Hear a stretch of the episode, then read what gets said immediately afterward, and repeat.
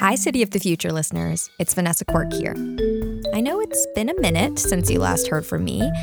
As you might have heard if you followed our newsletter, Sidewalk Labs became a part of Google at the beginning of 2021. So the show's been on hiatus.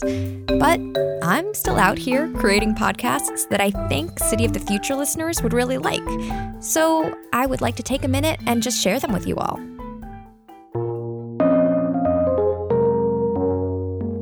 First up, Urban Roots.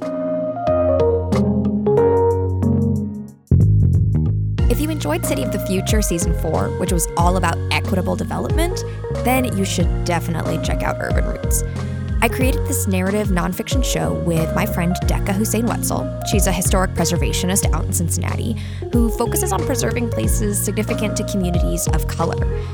In the show, we don't only tell the histories of women and people of color that you probably don't know, we also draw the through line from the past to the present and talk to folks who are doing equitable preservation based development that takes those histories into account.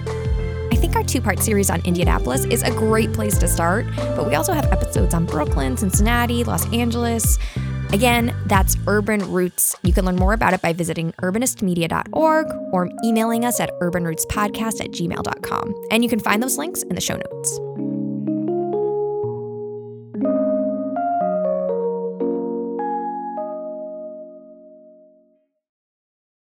Now to something a little bit less for the urbanist than for the person who is seeking to pop their media bubble.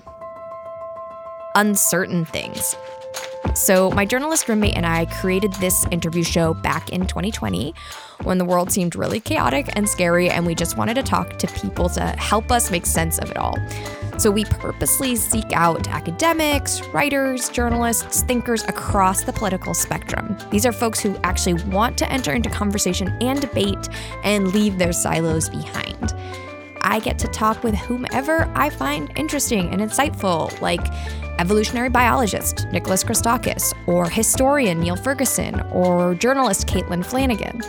Um, and we do occasionally talk to urbanists too, like Vishaan Chakrabarti, Justin Davidson, Michael Kimmelman. So if that sounds of interest to you, check out Uncertain Things. You can subscribe at uncertain.substack.com or email us at theuncertaintimes at gmail.com. Also, fun fact my roommate and Uncertain Things co host Adam actually created the music not only for Uncertain Things, but also City of the Future and Urban Roots. So if you're a fan of any of the music you've heard on those shows, you can check out more of Adam's work at www.ajla.me.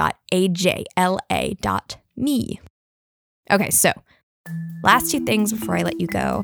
Making City of the Future was really an honor and a privilege for me. I learned so much, and I talked to some really wonderful, passionate people who care so much about cities. So, if you enjoyed the show or if episodes were helpful to you in any way, I would just love to hear from you. Please reach out via my website, vanessaquirk.com.